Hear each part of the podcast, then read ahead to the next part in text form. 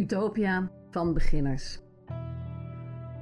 Onze huidige westerse economie streeft naar oneindige groei en winstmaximalisatie. Dat leidt tot uitsluiting van velen en tot uitputting van de aarde.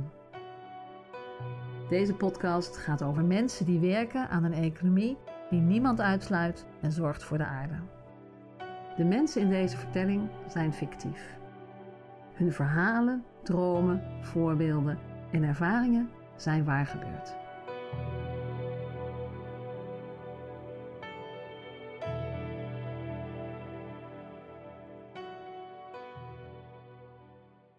Helene, ondernemer. Geboren 1989. Loopbaan, reiziger, ondernemer en groeiexpert. Groeien of niet groeien? To be or not to be? Groeien, zegt mijn vader. Niet groeien is ophouden te bestaan. Mijn vader is een ras-echte ondernemer. Net als zijn vader en grootvader. Tot een paar jaar geleden was ik het met hem eens. Ik droomde al op mijn vijfde dat ik de zaak zou overnemen. Ik wilde het bedrijf nog groter maken. Meer produceren, meer omzet, meer winst, groeiend marktaandeel. Nu denk ik er anders over.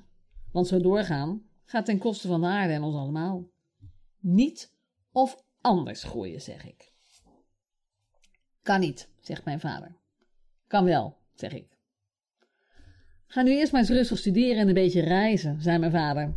Hij zag mijn opvattingen aan voor idealistisch tienergedoe dat met de tijd vanzelf zou verdwijnen. Dat gebeurde niet. Studeren en reizen maakte me alleen maar meer vastbesloten. Ik zag de gevolgen van oneindige groei met eigen ogen. Steden waar je nauwelijks kunt ademen van de smog, rivieren vol olie en plastic, lege akkers waar niets meer groeit door droogte en uitputting en mensen die werken in erbarmelijke omstandigheden en daar nauwelijks voor betaald krijgen. Dus sloot ik me op de universiteit aan bij de Rethinking Economics beweging. We stelden de huidige economie in vraag. Het moest anders, beter, eerlijker. We discussieerden hoe het beter kon en we schreven kritische artikelen, voerden actie op social media. Ik praat erover met mijn vader. Hij vond het prachtige verhalen, maar niet haalbaar in de praktijk. En al helemaal niet in ons bedrijf. Ik werd boos op hem. Ik zei: Pap, je bent geobsedeerd door groei. Je bent verslaafd aan groei. Zie je dan niet dat oneindige groei ons ziek maakt? Onze economie heeft kanker. Het woekert maar door. En niemand doet er iets aan. Iedereen weet dat het zo niet langer kan en toch doen we niets. We moeten krimpen, maat houden, stoppen. We moeten durven te stoppen. Maar als ik heel eerlijk ben, had ik geen idee hoe dat moest. Toen ging ik naar Mali. Naar het festival Sur le Niger. In Ségou. Ik danste op blote voeten in het rode zand. Liep me tot diep in de nacht meevoeren met de drums, de zang en de verhalen. En ik ontmoette Mustafa. Ah, Moussa. We raakten aan de praat in een van de vele pop-up cafeetjes. Ik vertelde hem over mijn droom. Ondernemen zonder groei. En weet je, hij begreep het meteen. Oh, wat voelde ik me gezien. Eindelijk. De dagen erna waren we onafscheidelijk. Moussa introduceerde me bij mensen die hun eigen bedrijf waren begonnen. Alleen of met een groepje, in kleding, stoffen, techniek, vertalen, kunst, gebruiksvoorwerpen. Ik sprak lokale kunstenaars die dankzij het festival een tentoonstelling in New York, Mumbai of Kaapstad hadden gehad. Ik zag hoe mensen hun huis voor een paar weken omtoverden tot bed and breakfast. Van hun tuin een camping maakten, van hun huiskamer een restaurant. En zo ontdekte ik, langzaam maar zeker, de economie van het festival. Ik zag hoe het festival de stad veranderde, levendigheid bracht, talenten van mensen in het licht zette ik zag niet een bedrijf, maar een ondernemende community. Een groep mensen die met elkaar iets moois maken, die elkaar sterker maken. Die zorgen dat de klussen eerlijk verdeeld worden. En toen begreep ik wat Moussa me liet zien. Ondernemen is bijdragen aan de gemeenschap. En groeien? Groeien is delen. Oh, ik was in de wolken. Voor het eerst was ondernemen zonder groei niet een idee, maar een werkelijkheid. Het kan echt. En iedereen wordt er beter van. Wow, ik kon niet wachten om het aan mijn vader te vertellen. Dit zou me over de streep trekken. De groei eerlijk delen. Wie kan daar nou tegen zijn? Opgetogen kwam ik thuis. Ik stelde mijn vader meteen voor om de innovatie waar we nu mee bezig zijn open source te maken en er anderen bij te betrekken, zodat we samen veel meer goede toepassingen kunnen bedenken. En die mensen die kunnen we dan misschien ook wel aandelen daarvoor geven. Geen sprake van, zei mijn vader. We gaan ons bedrijf niet verkwanselen. Ik ging dus niet in de zaak. Ik begon mijn eigen bedrijf. Een bedrijf van, voor en met de community. Een bedrijf gebaseerd op respect. Voor alles wat het leven en voor alles wat het leven mooi maakt. We ondernemen vanuit liefde. Het is een bedrijf dat laat zien dat ondernemers de wereld kunnen veranderen. Dat ze de aarde weer gezond kunnen maken. Dat ze kunnen geloven in mensen. Mijn bedrijf zal delen als het groeit. En het zal groeien door te delen. Weet je, ik zal mijn vader laten zien dat kan. Het concept is simpel. Iedereen met een goed idee kan bij ons aankloppen. De eerste stap, de eerste vraag eigenlijk, is: draagt het bij aan mensen en de aarde? Ja? Oké, dan komt stap 2. De community check. Onze community, dat zijn 15.000 mensen uit allerlei landen. We leggen elk idee aan hen voor. En als er energie en enthousiasme in de community ontstaat, dan gaan we door. Anders niet. Stap 3. We gaan aan de slag met het businessplan. De supporters in de community helpen mee. Kennis, geld, morele steun, creativiteit, wat maar nodig is. Dat geeft energie, inspiratie en kracht. Je staat als ondernemer nooit alleen. Soms wordt iemand uit de community zelfs mede-ondernemer. Stap 4. We richten het bedrijf op. Iedereen die een bijdrage geleverd heeft, krijgt aandelen. Meestal geven we ook de lokale community wat aandelen, zodat zij kunnen delen in de groei en ook meebepalen welke groei het beste is. Weet je, dat laatste, dat zou ik ook wel willen voor mijn eigen bedrijf.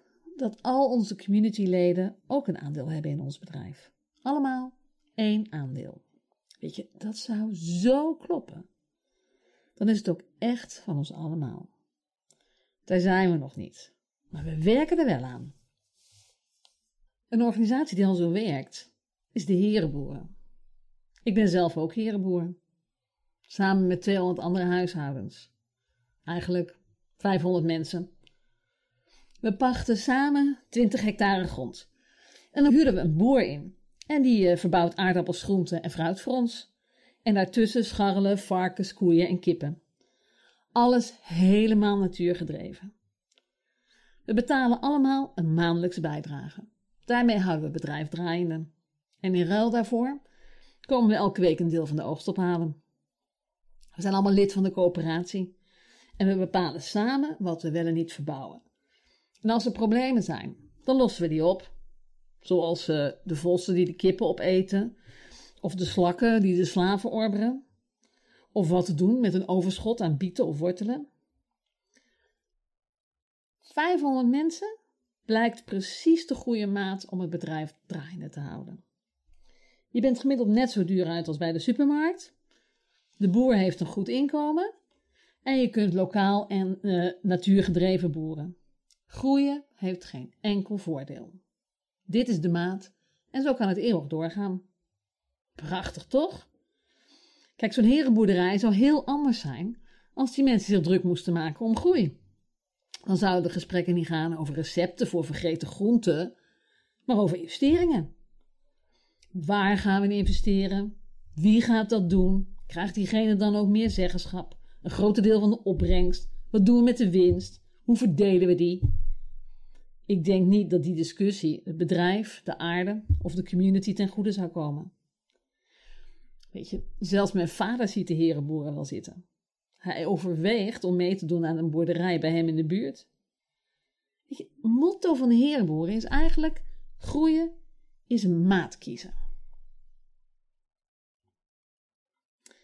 Af en toe klinkt er ook een stemmetje in mijn hoofd of groei nou echt altijd slecht is. Sommige dingen, daar is gewoon veel van. Liefde bijvoorbeeld, muziek, dromen, positieve energie, gezondheid. Daar hoeft toch niet minder van te komen?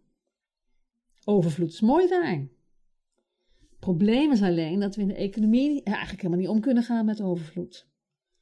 Alles wat niet schaars is, is economisch waardeloos. Dat heb ik twee jaar geleden meegemaakt. Toen groeiden de kolen te hard. Ze werden twee keer zo groot als normaal. Er waren tonnen en tonnen witte kolen over. De zuurkoolfabrieken zaten vol.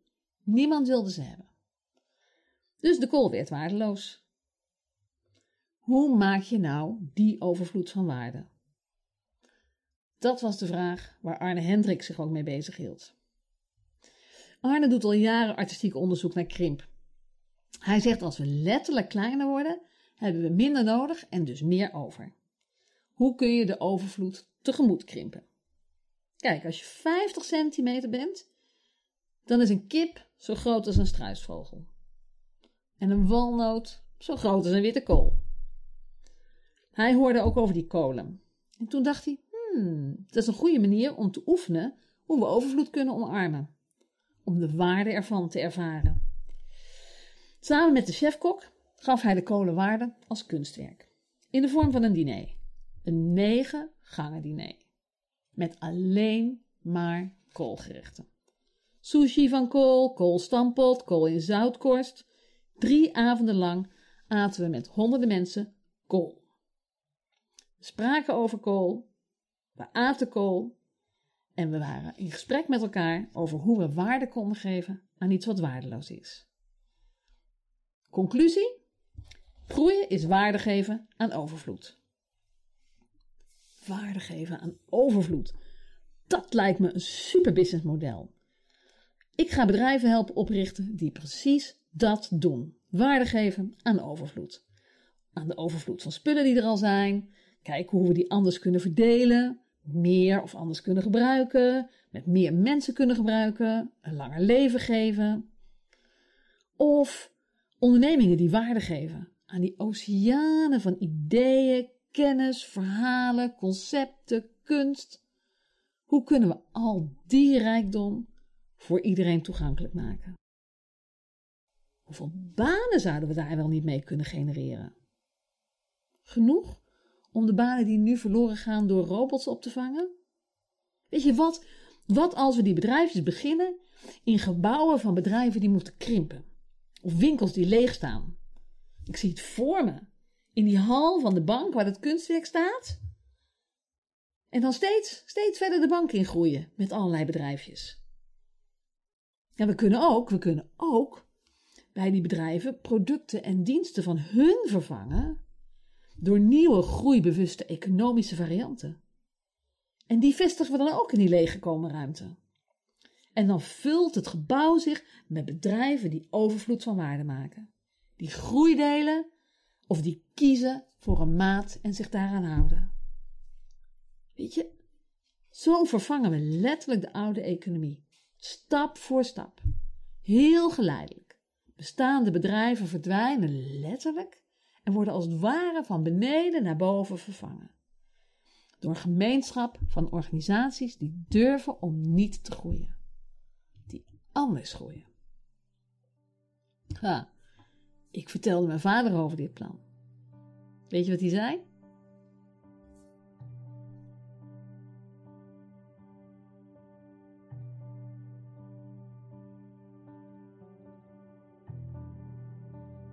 Met dank aan Studio Volker de Jong en Galerie Fons Welters in Amsterdam.